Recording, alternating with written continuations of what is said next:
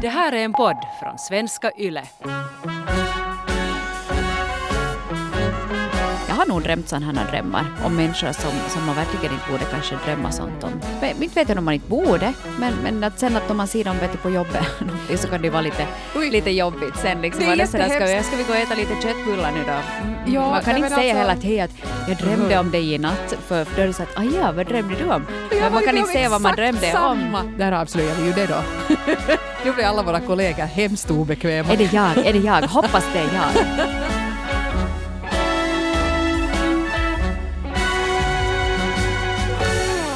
Hurra! Välkomna till relationspodden Norrena och Frans hundrade avsnitt. Yeah! Jag hörde ni, vad gillar ni vår, vår nya signatur förresten? Den, Jag tycker det var lite kul. den är kul. Ja. Jag, jag tror lite att vi borde kanske börja lära oss sån här gammaldags vaudeville tofsdans. Ja, jag, som vi kör alltid i början. jag känner mig som jag skulle ha vet, en sån här, liten sån här gammal nattklubbsdansös där jag hör den där. Ja, ja, ja, precis. Du kan vara den som går omkring med en sån här låda på magen och säljer tobak och jag, och jag dansar vågat på scenen. Det låter härligt. Alltid, men alltid när det kommer de här stora, äh, de här stora blå sektionerna så far du ner i spagat. Aj, aj, Eller kastar upp din klänning och gör ett spagat, för det är benlyft som är som ett spagat. Jag kan säga att skulle jag komma ner i spagat så skulle jag inte komma upp något mer sen, så det skulle vara där då. Men, men eh, signaturen är fin. Ja. Vårt hundrade avsnitt eh, firar vi alltså idag. Vi har hållit på i ganska exakt två år och, och hundra avsnitt eh, av relationsrelaterade dilemmas har vi alltså hunnit med. Hur känns det Eva för dig nu sådär? En hundra avsnitt in på vägen. Jag känner mig Det känns... som hundra avsnitt senare. Nej, nej, nej, det, det känns ju jättebra. Och Jag kan inte riktigt liksom förstå att hundra avsnitt, också när vi börjar fundera på det här med att hur många berättelser har vi tagit del av under den här tiden. Och jag skulle säga att vi snittar ju nog på över tio i veckan. Det är liksom sådär minimum, ofta betydligt mer än så. Så att det är ju liksom fråga om tusentals storyn som vi har fått in av er i publiken. Och det är ju helt hiskeliga siffror. Ja. Och mäktigt. Och det är konstigt det där, för man, vi vet ju aldrig riktigt att hur många som kommer att svara. Nej. Ibland tänker vi att "Nå, men vi kanske får vet du, ett handfull eh, svar så att det nu räcker till ett poddavsnitt. Och emellan så har vi varit uppe i vet du, 70-80 svar. Ja, ja, ja, ja, per vecka och det känns det ju alltid lite hemskt när man måste välja bort. Mm. Och, men vi läser ju som sagt allting som kommer in hit och vi läser också alla mejl som kommer in och vi försöker också svara på allting så fort som möjligt. Så, Ja, så det det, som vi kan svara på. Ni som skriver anonymt kan vi förstås då tyvärr inte skriva till. Det skulle man vilja göra ibland. Eh, men jo, nu känns det ju häftigt och, och det som, som slog mig här att, att när vi började med det här då för två år sedan så, så hade vi ju lite den där farhågan att tänk om ingen skriver. Ja, och tänk om inte vi hittar på ämnen att tala om. Nej, precis. Och kanske till och med folk sa att "Nå, hur mycket sådana relationsämnen kan det nu sen finnas? Nå, det har åtminstone funnits hundra och jag tror att vi kan hitta på 900 till. Ja, vi har, vi har ju redan en lång lista här på. och sen är det så härligt att ni skriver in också, för vi får ju hela tiden idéer. Ni skickar in till relationspodden yle.fi eller sen också i vår Facebookgrupp så har ni ju föreslagit många ämnen. Så vi har en, en lång rad med, med ämnen som vi kommer att ta upp här också under, under hösten. Så, så fortsätt att skriva in era idéer. Ja, precis. Alltså, vi har så mycket bra grejer på lager. Men idag så tänkte vi faktiskt att ordet skulle vara lite så här fritt. Vi bad er att bestämma vad vi borde diskutera om. Och då fick ni fråga vad som helst. Ställa mig och Hanna frågor eller eh, beskriva olika relationsdilemman som vi kanske borde stöta och blöta här en stund. Men en sån här fråga fick jag ju bland annat då in här att hur länge har ni två känt varandra? Är ni enbart kollegor eller också vänner? Ja, Alltså vi kan ju inte tåla varandra. nej, egentligen inte. Men vi, men vi är bra på att fejka det för vi får ju betalt för det här. Nå nej, nej, nej. Skämt åsido. Um, när lärde vi riktigt känna... Alltså vi har ju på något sätt, vi har ju båda jobbat länge på YLE, men jag måste säga att vi, vi liksom hade hemskt lite med varandra att göra i många, många år. Det var ju nog så att man liksom kände till varandra och hälsa och så här. Ja, jag, alltså jag tror att jag stötte på det första gången i bloggvärlden. Vet du, då man hade Ja. de här bloggfesterna, då, då, då bloggarna ännu var hot shit. Ja. Så, så då kanske jag såg dig någonstans eh, på någon bloggfest. Men sen har vi ju sett varandra här på Vega, för jag började jobba på Vega för, jag kommer inte ihåg, kanske fyra, fem år sedan. Och då var du programledare här och jag var programledare här. Men inte var vi ju då egentligen att vi hängde, annat än att vi såg varandra här. När vi var ju på Någonstans. helt olika program och sådär. Ja. Men det där. Sen i något skede så insåg vi ju att vi var grannar. Alltså faktiskt, du på den tiden bodde riktigt ett stenkast ifrån var jag fortfarande bor. Ja. Och då åkte vi ju morgonbuss ibland. Sådär. Ja, gjorde vi det? Ja. Det har jag glömt bort. Det var Kanske på den tiden när Hanna ännu åkte kollektivt Ja, någon nu, gång. nu är jag ju sån här Esbabo så jag idkar enbart privatbilism. Ja, på 160K, det fanns en sån är sant, linje då ja. ändå. Jag kommer ihåg 160K. Ja, ja, så ibland så, så satt vi där då. Då började vi kanske lite sådär snacka annars bara också. Ja, men annars så har det ju varit, eh, den här podden kom ju till på det sättet att jag har länge velat göra en relationspodd Mm. och du har länge velat göra en relationspodd och, och liksom vi har lite sådär pitchat om som man måste göra här på Yle att man har en idé som måste gå igenom en sån här lång manglingsrumba att få det finansiering och är det här någonting som är kul? Och då hade vi ovetande som varandra Mm. väl båda pitchade här. Ja. Och, och, det gick, det ju- och sen var det så här, "Mjä, det är nu så roligt det här med två kvinnor som pratar om relationer. Men sen så slog vi ihop oss och, och tänkte att "Nej, men vi pitchar det här tillsammans. Och cheferna bytte lite plats och Ja. plötsligt så dök det upp då sådana chefer som tyckte att relationer kunde ju vara kul. Ja. Och då hittade de väl våra skruttiga pitchar i någon hög någonstans och, och bjöd in oss. Ja. Och sen så har vi ju då förstås, vi har ju lärt känna varandra mycket bättre under den här processen också. Det är för, sant. För att vi, vi bor ju nära varandra och vi brukar ju alltid bila tillsammans hit. Så jag brukar gå och hämta upp då Eva som har lite så här skrangliga körkunskaper. Jag, jag är bättre bilist än vad du är. Jag, jag skulle framförallt vara en olaglig bilist. Har du jag inte börja köra körkort? hit. Äh, ser du, jag tog körkort när jag var 18. Vi pratade om det här i bilen idag nämligen. Ja. Att du sa att du var och provkörde i någon rondell och höll på Jo, jo alltså jag har tagit körkort när jag var 18 men så körde jag. Jag liksom hade inte tillgång till bil så det blev aldrig av att ta det där andra skedet som det åtminstone hette då. Jag vet inte om det finns. Ah. Så för att få tillbaka mitt körkort nu så skulle jag måste ta teoriprovet på nytt och sånt här. Och det har varit låtit dyrt och krångligt och jag behöver inte bil och du kör ju hit mig på onsdagar så att Ja. det har inte blivit av. Ja. Ja. Ja, men alltså under de här två åren så har vi också lärt känna varandra mycket bättre är Eh, sant. Vet du, vi har, för vi har hängt så jättemycket tillsammans så att nu så vet vi ju det mesta om varandras liv. Eller sen inte, jag tycker jag lär mig nya grejer om dig precis varje vecka. Det är ju kanske också det som blir lite roligt. Att liksom vår historia har ju liksom varit nu parallell med den här poddens historia. Att samtidigt som ni som lyssnar kanske har lärt känna oss så har vi ju också lärt känna varandra mycket, mycket mera. Ja, och vi är ju så olika på det sättet. För jag menar, du är ju en trebarnsmor, gift, bor i Esbo och jag är sen den här singelmamman som har två barn. Och bor, Och bor i Esbo. Och bor i Esbo, ja. Men, men hemma från Österbotten och du är hemma från Helsingfors. Mm, Så, så på det sättet har vi lite olikheter där kanske också. Men du är ju faktiskt gift med min österbottning. granne. Ja, och Ja. jag och eh, Jonas, alltså Evas man, så har ju varit grannar i barndomen. Ja, det är jättekonstigt. Och det här kom ju fram först nu liksom långt senare då min mamma sa att ja men eh, Jonas Frans han bodde ju granne med oss i Gamla Vasa.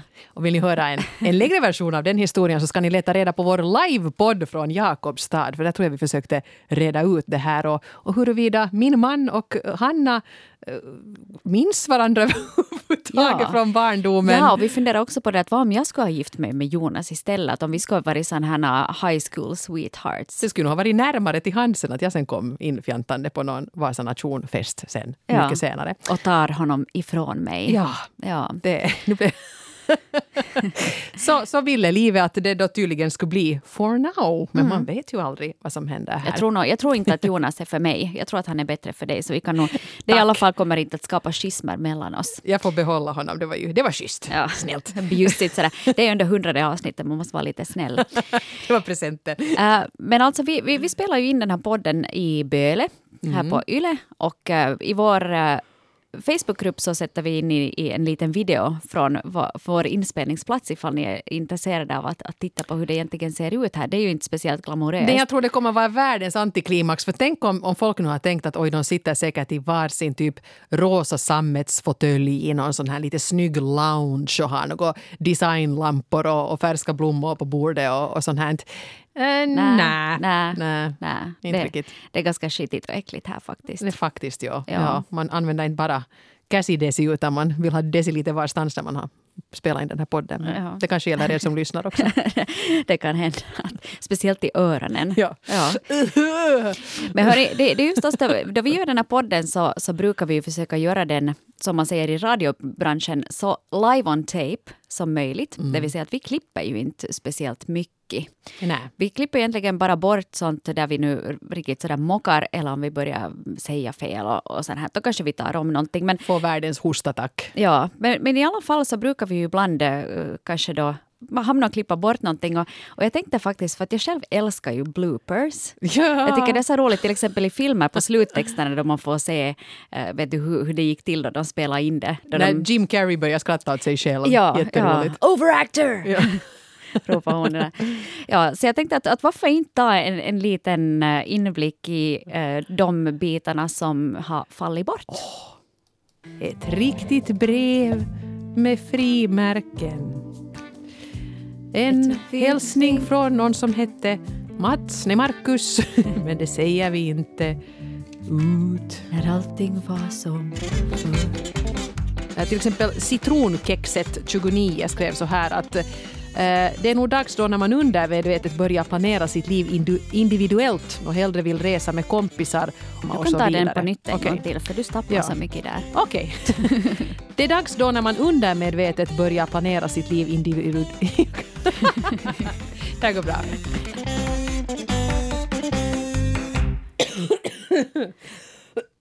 Så jag borde ändå ha tagit det vattenglas. Jag går och hämtar det. Gör det. Pausa här så tar vi nästa brev sen. Ja, det här får vara en del av podden, Eva. Dit får hon. Kom du tillbaks. Här är jag, tillbaks. sitt, här är jag suttit och väntat. Ja, han får... fortsätter bara. Så dåligt klipp. Du gick tio meter, gick tio meter till vattnet. Jag gick så fort. Jag tänkte att vi är redan så försenade så jag måste springa och dricka samtidigt. Ja. Och jag tror också att det, det är på något vis viktigt att äh, komma ihåg det här med att... ähm, vad var det som skulle vara viktigt att komma ihåg? Det är jätteviktigt. Äh, ja, en sak ja. Hur tycker du att det går? Det går jättebra. Ja. Det är faktiskt nu energinivån. Jag, jag är lite sådär, koffeinen har kickat in. Jag Eh, känner också det, att det börjar ja. liksom hända någonting. Jo, jo, man ska inte gå rakt från lunchen utan man ska vänta 20 minuter. Ja. Man ska rodda omkring och byta studio några varv och sen Ja. man så Så man, man får gärna bli lite arg också, så får man igång Jo. allting. Satan. Så där skulle det kunna låta, men, men lite klipper vi. Eh, Lite brukar vi klippa. Jag tyckte det var så roligt det här speciellt på slutet, för du brukar ju aldrig svära. Men sen kommer ett hämningslöst satan. Jag svär inte med könsord. Jag, jag svär genom att tillkalla den onde. Ja, eller sen så svär du just med sådär voi elände.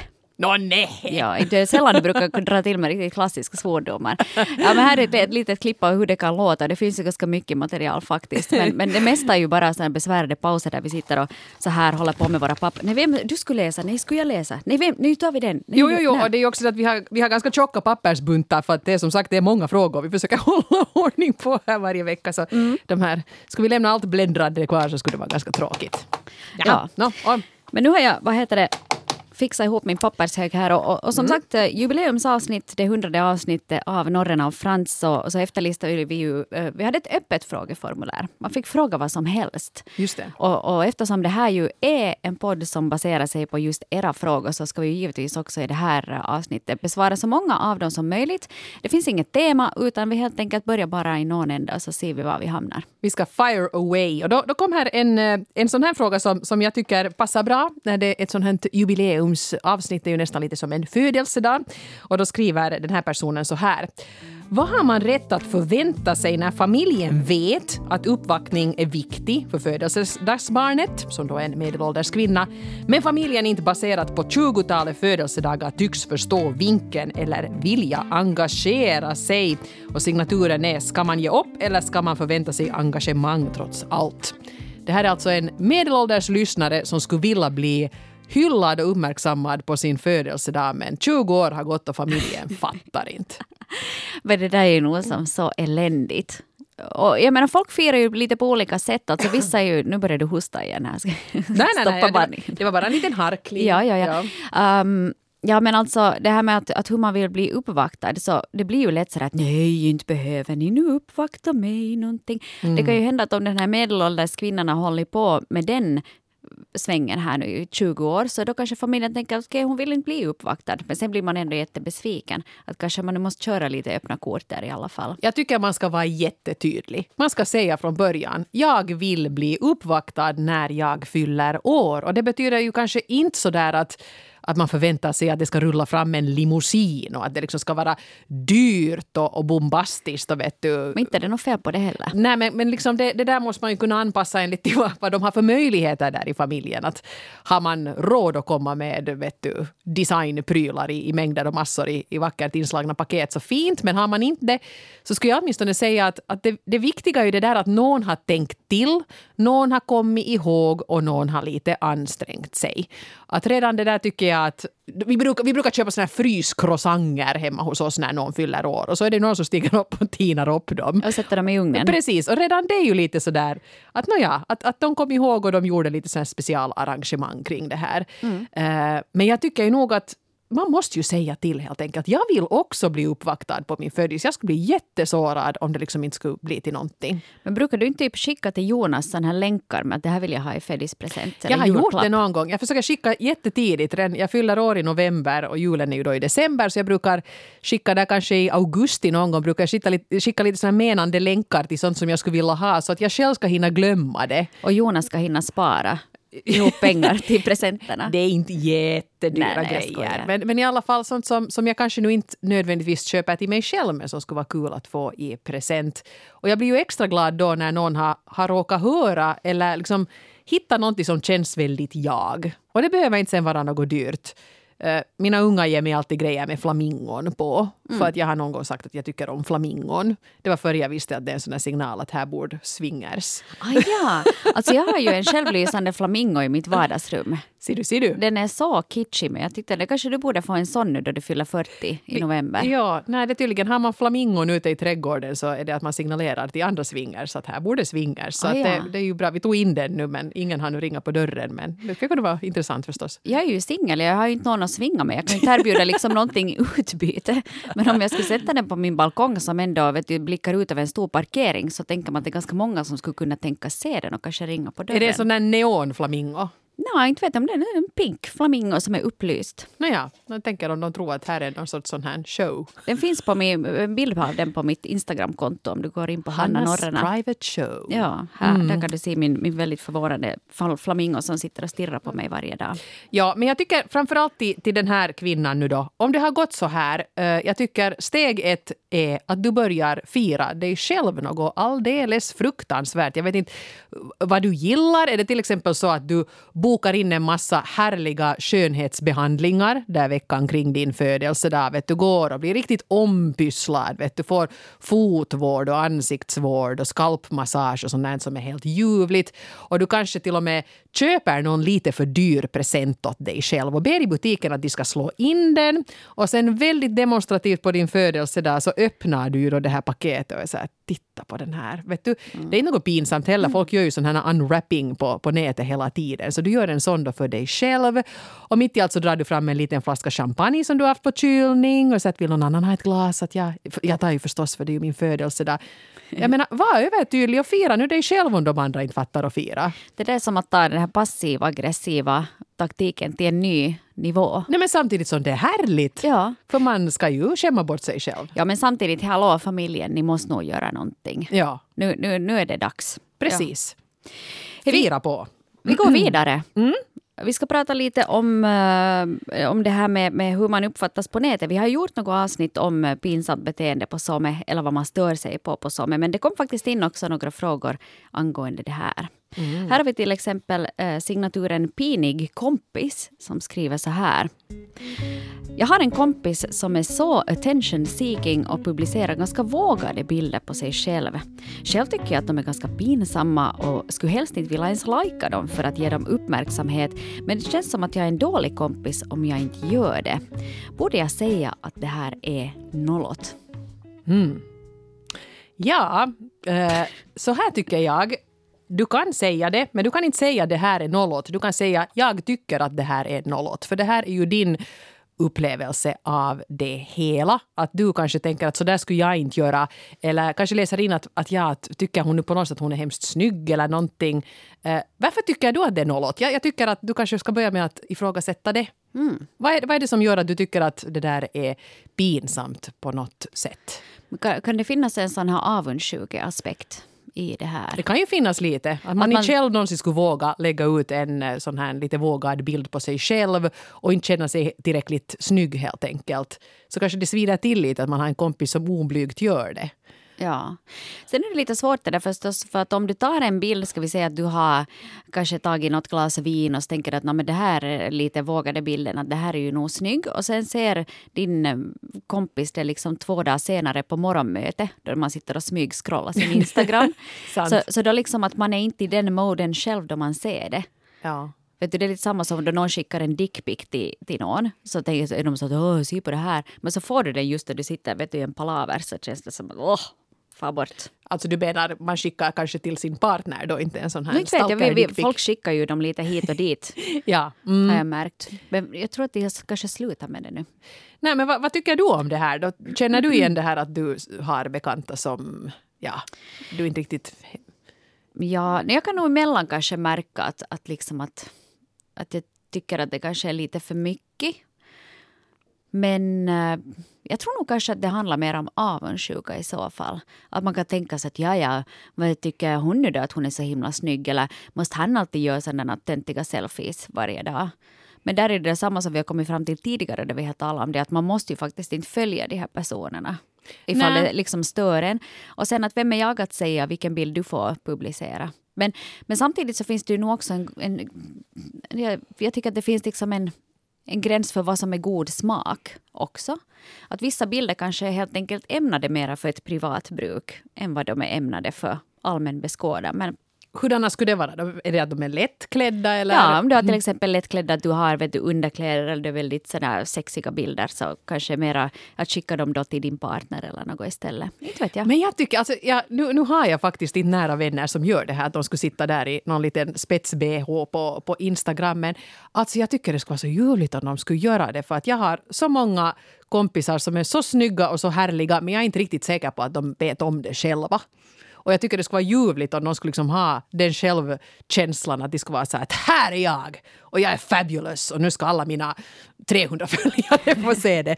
Liksom, jag, jag tycker det skulle vara underbart. Och jag bryr mig inte det minsta. Jag menar, jag lägger ju ut, jag har till och med lagt ut bikini-selfie. Så det är nu faktiskt inte för att jag nu tycker att jag är den hetaste, jag har den hetaste bikinikroppen i världen, utan för att jag har en kropp och det är min kropp och, och varför får inte den synas på Instagram?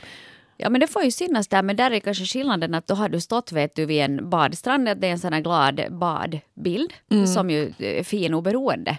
Vet du, sådär. Men att du har ju inte stått liksom på alla fyra som en Kardashian vet du, och putat med rumpan och, och stirrat sådär menande in i kameran. Vet du, det där är liksom skillnaden på bikinibild och bikinibild. Ja, så att man har kompisar som gör sånt, ja. Att de liksom försöker... Nej men vet du vad, jag säger där också. Låt leva, låt dina vänner leva ut sin inre Kardashian. Jag tycker inte du ska lägga i- dig i det här, utan jag tycker du ska, du frågeställaren alltså, inte Hanna. Eh, Jag tycker inte du ska lägga dig i vad den här kompisen gör. Jag tycker du ska ransaka dig själv och så går du in och likar och använder den där eldslåge-emojin och skriver rrr. Rrr. Nej, det var en annan fråga också som kom in angående just det här med, med Some som kom från signaturen Stolt men blygsam mamma. Mm. Eh, och här handlar det om barn och sociala medier. Det här med att fotoskryta över sina välartade barn i sociala medier. Nu tänker jag då på barn i den åldern att tjejerna börjar bli vackra och killarna stiliga.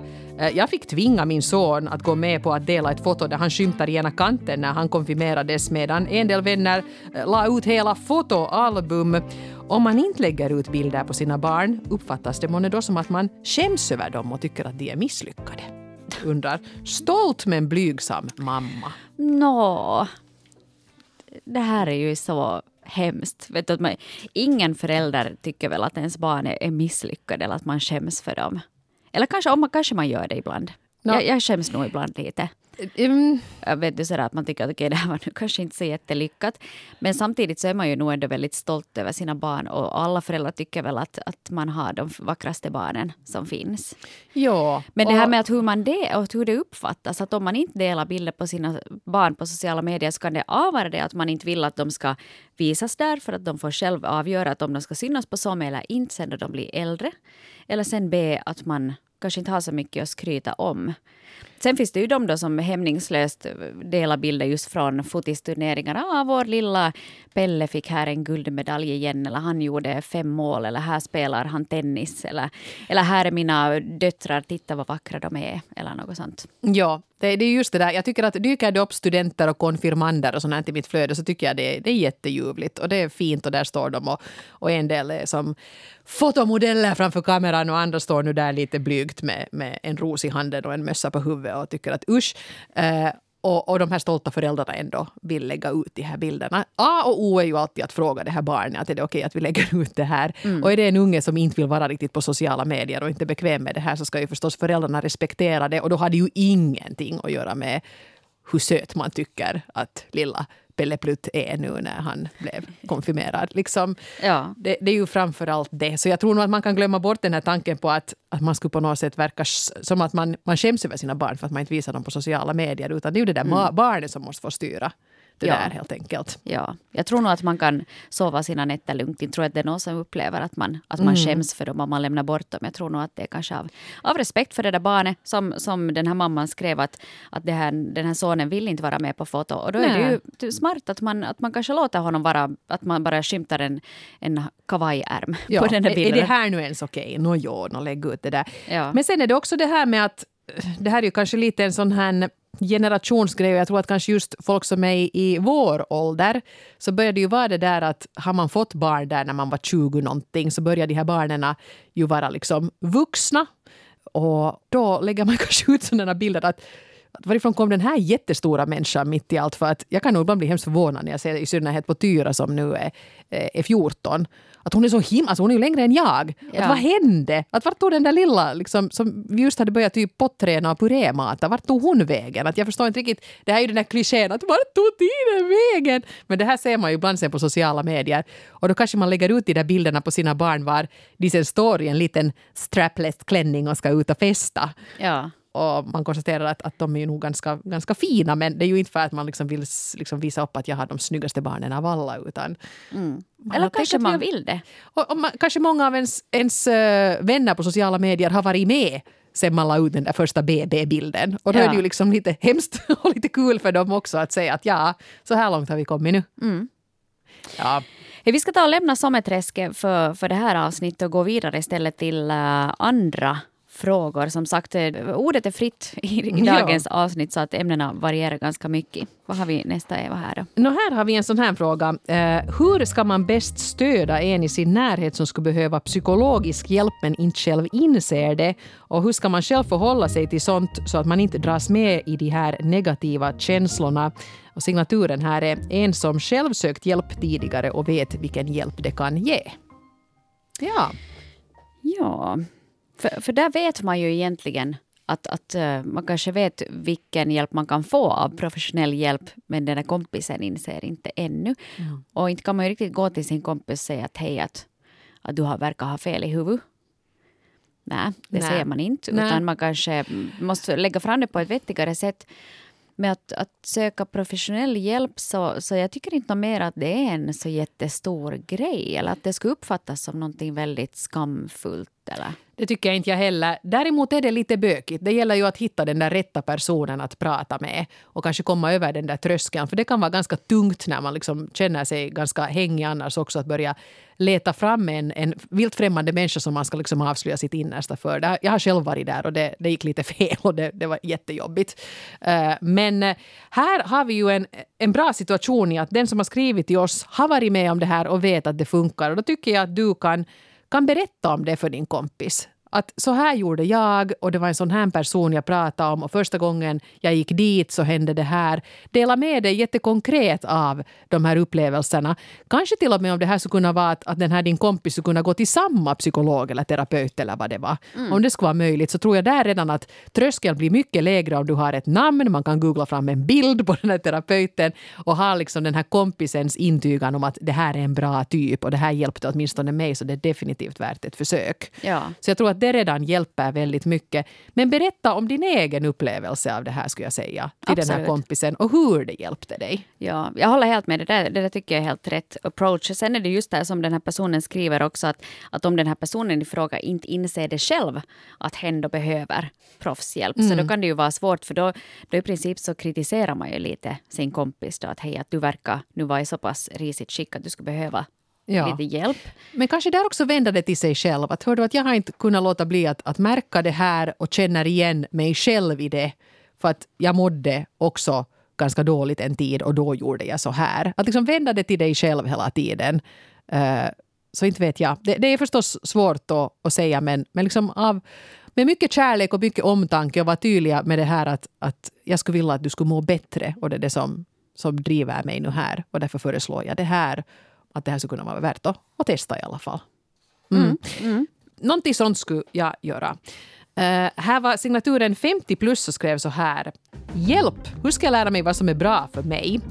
Jag har inte haft särskilt många romantiska relationer i mitt liv men det har alltid varit med kvinnor som tydligt haft mer än sin andel av problem. Det har varit barndomstrauman, ADHD, PTSD, sömnlöshet och problem med livshållningen och alla möjliga nojor.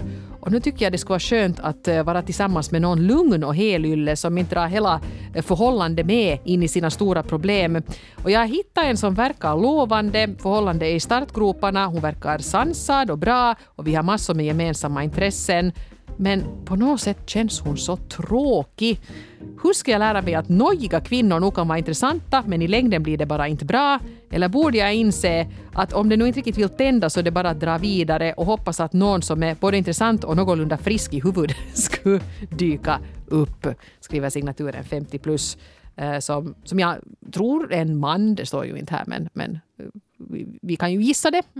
Till att börja med, kära 50 plus, ingen är någorlunda frisk i huvudet. Jag tror inte att det finns såna människor. Jag tror vi alla är lite knasiga och vi har alla lite bagage med oss in. Men jag kan också relatera till den här problematiken. Eh, Och jag tycker det, om det här nu är en man så tycker jag det är intressant för att jag tycker det här är något som man oftare pratar om med kvinnor.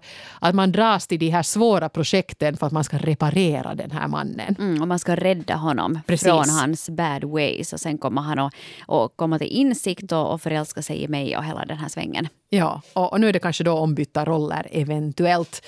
Ehm, jag vet inte riktigt vad det här sen beror på. Eh, för, för när du sen har hittat den här ena personen som är väldigt stabil så blir det lite tråkigt.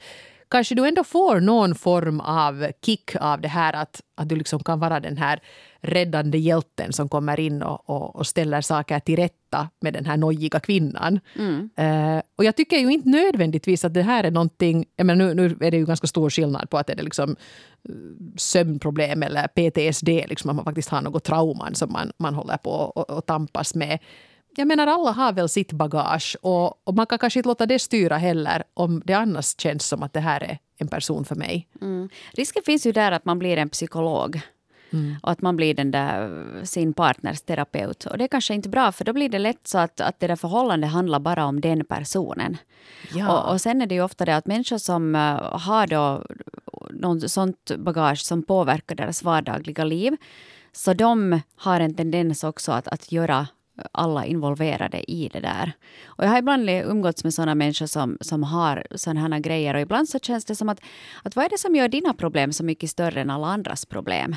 Det där är sant. Och jag börjar fundera här att kanske den här vår 50 plus brevskrivare här är en väldigt bra lyssnare och att det kanske har har känts från första början med alla de här kvinnorna väldigt så här naturligt för dem att ta upp sina problem. Och det är ju, en, det är ju liksom en positiv grej, förutom att det blir väldigt tungt då för, för vår brevskrivare att sen i det långa loppet att hela relationen bara handlar om den här partnerns problem. Ja. För det är ju inte meningen heller. Nej. Nej, och sen att det kan kännas som att det just bara går på den ena personens villkor. Att ja, men eh, hon sover ju inte på nätterna. Eller ja, hon har ju det här traumat. Jag måste förstå. Och att man blir den som alltid måste jämka. Och, så där. och jag tror att det kan bara skapa en obalans i den där relationen. Ja. Så att kanske man behöver där liksom, inte kanske behöva ha en, någon som är tråkig ska du absolut inte vara ihop med. Att kanske du är en sån som, som tycker om eh, kvinnor som det finns lite någonting att bita i. Att de, de är lite intressanta, att de har varit med om saker. De har kanske hamnat att tänka mer, de är lite djupare. Att kanske det är såna kvinnor som du faller för. Men att var bara vaksam på det där att det inte blir en ensidig relation. Och som du sa Eva, där att man kommer in att nu kommer jag in och ska vara den här hjälten Mm. och den här klippan. För det är ju dig sen inget utrymme då du är svag och du är liten och du kanske behöver hjälp. För att du måste Mm. Har du alltid vara inga den där nojor starka. själv som du kan kontra med? Ja, eller kan ni jag jäm- fundera. ja. Ja. Jag vet inte. Nej, eh, men, men kanske slutsatsen här helt enkelt är att du har inte hittat rätt flicka ännu. Nej. Eh, för det, det låter lite så att den som fyllde dina kriterier kändes tråkig och de andra känns helt enkelt för... Det blir för jobbigt och relationen liksom blir fel från första början. Så hang in there och försök fortsätta leta och det är jättebra tycker jag det här om det är på det sättet. Att det är kanske inte det att du drar till dig nojiga kvinnor utan att du får nojiga kvinnor att öppna upp sig. Precis. Och det är, det är en bra grej som du ska arbeta med men det får inte gå ut över dig och relationen. Att ni kan prata om det men det får liksom inte handla bara om det. Amen. Typ så. mm. Nu ska vi, nu bläddrar vi. Så här låter det här bläddrandet som Ja. vi vanligtvis klipper bort. Ja, och så funderar vi att hej, nu är vi uppe i 36 minuter. Ja. Vi har ju ett längre avsnitt idag eftersom det är jubileumsavsnitt. Jag tycker men- vi ska kunna kosta på oss ett sådant. Uh, ska vi ta fantasierna? Ja, vi tar Ja. det. Lite Ja. rar. Blir bra. Men då ska vi kunna ta Ska vi ta Fröken Svår, 31 år, som har skrivit till oss så här. Eh, Jag har levt tillsammans med min sambo och mina barns pappa i över 10 år och vi har ett stabilt förhållande som bygger på respekt och omtanke. Men på senaste tiden har jag börjat drömma romantiska och erotiska drömmar om en manlig vän flera gånger i veckan. Jag vaknar med en nyförälskad känsla i kroppen och känner att det här måste jag få mera av, vilket leder till att jag tänker på den här mannen ofta och mycket. Jag kan inte släppa tankarna på att vänsterprassla med honom och skulle älska att känna den där passionerade nyförälskelsen samtidigt som jag ju inte skulle kunna göra så här mot min sambo. Hur ska jag komma över det här? Känna mig som en hemsk människa som drömmer om att ha en kärleksaffär när jag vet hur sårad min sambo skulle bli. Fröken Svår, 31 år. Ja, jag avundas inte din, din situation, det gör jag verkligen inte. Men jag förstår det mycket bra. Om du nu har varit tillsammans med, med din sambo i över tio år så, så det känns kanske han inte sådär superspännande fast han är en härlig man på många sätt, en fin pappa, en omtänksam livskamrat. Men sen så har han den här eh, sexiga kompisen då som du har ett gott öga till.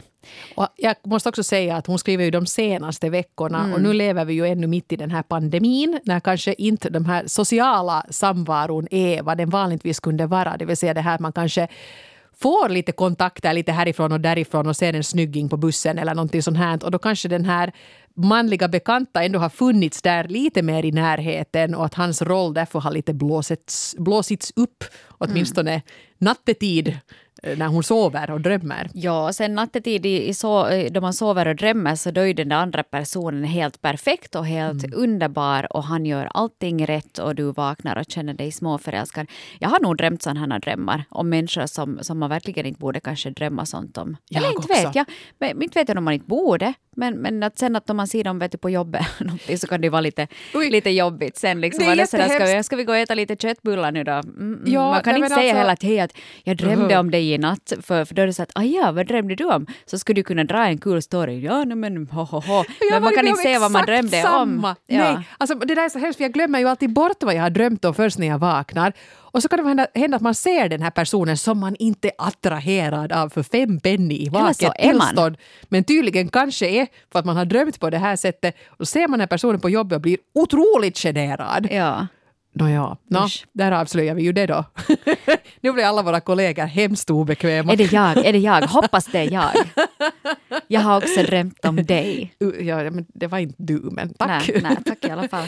Nej, Men, det här är nog svårt, för jag Ja. menar speciellt att då det är liksom en eh, Bekant. En bekant. Mm. Jag måste säga att, att när man var yngre, eller man och man, men åtminstone när jag var yngre så var jag ju hela tiden jätteförälskad i kändisar. Och man kunde ju se liksom vissa filmer på nytt och på nytt och på nytt bara för att någon var så snygg i den där filmen. Och det har ju varit olika typer nu här genom tiderna. Men jag menar, no, men Interview with a Vampire, där fanns ju liksom ett helt galleri. Tröttnar man på Antonio Banderas kunde man titta på Christian Slater. Så den kunde man liksom se på nytt och på nytt och på nytt de var ju på sånt avstånd. Inte tänkte jag att jag skulle bli ihop med Brad Pitt på riktigt. Man kunde ju liksom fundera på hur det skulle vara. Och det kändes väldigt tryggt och bra. Och det där saknar jag ibland nästan lite nu i vuxen ålder. För nu är det länge sedan det skulle ha funnits någon sån kändis som man skulle tycka så att åh, det där är den sexigaste mannen på jorden. Jag har inte haft ens någon sån tv-serie. Och jag tycker det där är lite en dimension som kan saknas. Den här liksom uh, fantasi-idealmannen som ju inte alls ska konkurrera med den här idealmannen som jag lever med på riktigt men som är på ett sånt tryggt fantasiavstånd och inte ens riktigt finns på riktigt. Mm. Det kan liksom vara typ Don Draper men det behöver ju inte vara han som spelar Don Draper. Liksom. Att man är kär i karaktären. Ja, exakt. Men det där är ju jätte, det är en stor eh, del av, av eh, utvecklingen i tonåren. Ja. Att man blir kär i någon idol det är ju ett sätt att, att man övar sig på att vet du, känna sådana känslor för någon, men de är på ett tryggt avstånd så att man behöver egentligen inte du, ta några konsekvenser av det. Samma är det just om du är kär i någon filmstjärna eller någon musiker eller någon i One Direction, vem det nu sen kan vara. Alla har vi väl en favorit i One Direction. Men... De är så små! No, det är ju lite det, ja. Usch, Usch, Hanna! Ja, vem är din favorit? jag sådär, kan vi titta lite på Okej, vi tar Backstreet Boys, de är 20 år äldre. AJ är givetvis min favorit. Eller Eagles. det börjar bli en generation upp igen. Alla har vi våra favoriter. Nej, men det var ju det i tonåren också, inte var det ju de där jämnåriga. Nej. Utan det var ju sådana som var nu minst 40 som man tittar på då. Var det, det så? Hemskt. Jo, ja, men det... Ja. Har du någon sån här daddy issues du eller någonting sånt? Om jag du, vet, vet du. Om du var tonåring och drömde om någon 40-åring, de var ju gamla som gatan. Inte visste jag hur gamla de var. Ja. fanns inte Google. Nej, det är sant. Man måste skriva till Frida för att ja. fråga. Hur gammal är Kevin Costner egentligen? Men hej, om vi, går, om vi tar, vinschar tillbaka det här nu till den här storyn. Till fantasin. Var, mm. Ja, till fantasin här. För att jag mm. påpekade att det fanns också en annan som hade skrivit in lite sam, samma sak. Det var jättekort. Olycklig och, och lycklig 30 år skrev Hej, jag är kär i min bästa väns fru. Vad ska jag göra? Och det där är lite samma sak, liksom mm. att man har en, någon som verkligen finns i ens riktiga liv. En bekant, ja. eller ännu värre kanske då i, i bästa väns fru. No, jag skulle säga till den här som skrev Fröken Svår alltså, så kom nu ändå ihåg att det här är en fantasi. Och du har liksom inte ens drivit det dit, utan du har drömt det. Det har varit ofrivilligt. Och fantasier är färskvara du kommer att känna så här nu i kanske några veckor. Så låt det vara bara. Inte tycker jag du ska ha dåligt samvete för du har ju inte gjort någonting. Nej. Och jag tror ju också, mycket möjligt att din man också kanske någon gång har sett på någon bekant och tyckt att åh, att där har vi nog något nu.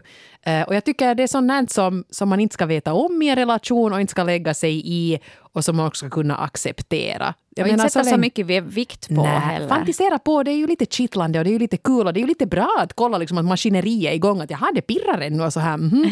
Och kanske man till och med kan ta med sig någonting in i den här trygga relationen från det där. För jag förstår mycket väl att folk är lite trötta på sina partners just nu. Mm. För man har ju bara suttit hemma och man har inte så mycket att prata om. Och när ingen är ute och går på lunch med kollegor eller något sånt här. Vi är ungefär så nu med Jonas att, att om någon av oss har varit i frissan och prata cocktailprat med, med frissan så kommer vi hem och har så mycket nytt att berätta. Ja. Vi har fått liksom impulser utifrån och herregud och så sa hon att det finns en sån här serie på Netflix och bla bla bla. Men annars så, så börjar ju faktiskt liksom lite läppen ta slut mm. när vi är hemma hela tiden. Eh, och det tror jag är väldigt naturligt. Och, och det kan ju också slå över i det här att man börjar liksom fantisera om bekanta och tycka att det där kanske skulle vara mer spännande. Men eh, fantisera får man göra. Ja. Det är inget fel på det. Sen att faktiskt bli kär, det är en annan femma. Ja, om du är kär i din bästa väns fru. Uh, är du det? Eller är det kanske någonting i din egen relation? Ja, nu vet jag inte ens om den här har en egen relation. Är det någonting du saknar? Är det så att du faktiskt är kär i henne eller är du liksom är du kär i deras förhållande? Skulle eller, du vilja ha det de har? Eller är det den här klassiska förbjudna frukten? Att mm. man vill ha det som man inte kan få. Och någonting som är förbjudet är alltid mycket mer spännande. Du kanske åker hem till dem på, på besök någon gång och så, så ser du den där frun där och tänker och det ena och det andra. Och, och, du kanske tolkar hennes blick till någonting. Och vet du, att mitt i allt så har hjärnan satt igång ett helt scenario. Mm. Så att det kanske det där är lite samma som du sa Eva också, att vänta och se om det går över. Och kanske också att hålla lite avstånd. Ja. Ibland kan det vara bättre det där med att man inte träffas så mycket ifall man känner att man är lite för förtjust i någon. Att man tar det där avståndet och helt enkelt backar. För, för menar, det är ändå din bästa vän. Det är, du, du, vill, du vill inte liksom Det är, inte, det är inte liksom värt det. Nej. Och sen att skulle det nu verkligen vara så att du och din bästa väns fru är de som är ämnade för varandra så kommer det antagligen att bli så i något skede. Du är bara 30 år ännu. Vem vet om vad som har hänt om 10 år?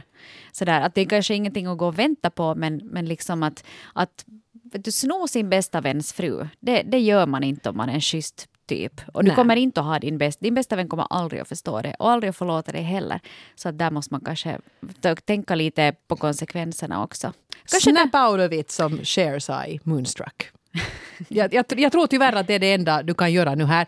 Ta lite avstånd, kanske tacka nej till sådana här mysiga middagar hemma hos dem. Håll dig lite undan från den där frun och håll utkik efter någon som skulle passa dig istället. Om du inte redan har en, det, det framgick ju alltså inte. Men uh, nej, don't go there helt eller sen enkelt. att om du har, en partner så, så kan de ju ha, sätta den där flamingon på gården. Var inte det? Ja, Du säger åt din bästa kaveri bara att hej, har du hört om det där med flamingon? Att hur skulle det vara? lite partnerbyte här. Ja, så Kom ni till oss på middag på fredag. Ja. Så. Du behöver inte ens sätta bilnycklarna i en skål för alla vet att okej, okay, vi byter nu sinsemellan. Ja, ja. Det var ju ett bra tips. Ja. Så kan ni göra. Ja, men lycka till till dig också för det är inte roligt att vara olyckligt kär. Nej. Och eh, det här ska vi göra ett avsnitt om har vi lite tänkt. Ja. För olycklig kärlek har vi ju inte pratat om så hemskt mycket fast vi har gjort hundra avsnitt så just det har vi lite missat. Kanske vi kör på det nästa vecka eller Jag någonting. tror vi gör det. Mm.